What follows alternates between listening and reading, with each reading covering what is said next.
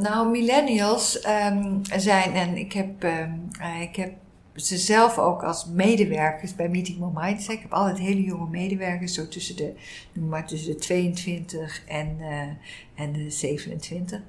Ehm, millennials zijn nu nog ongeduriger dan de generaties daarvoor. Uh, en dat komt omdat ze zoveel prikkels krijgen. Vanuit de sociale media, vanuit de gaming, uh, vanuit ook de druk die ze voelen om vooral ook een soort ego te hebben, om er aanwezig te zijn.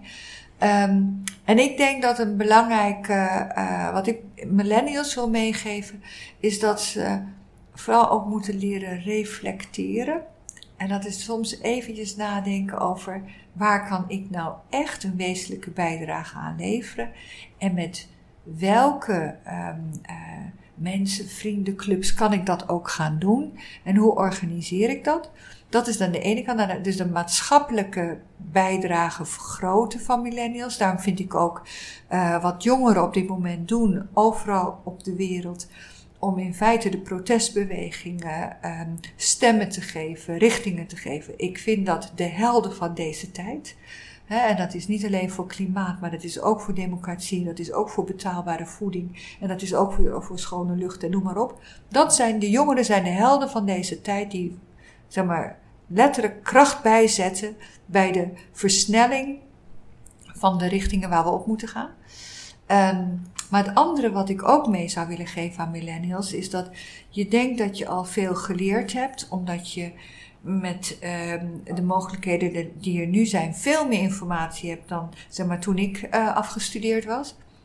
En toch en toch en toch, hoeveel, hoe, how deep is your knowledge? dus zeg maar, hoe diep is je kennis nou echt? En zou je um, toch ook niet meteen, uh, zodra je begint, je alweer moeten, um, in ieder geval moeten inzetten om uh, de reskilling en de upskilling te gaan doen.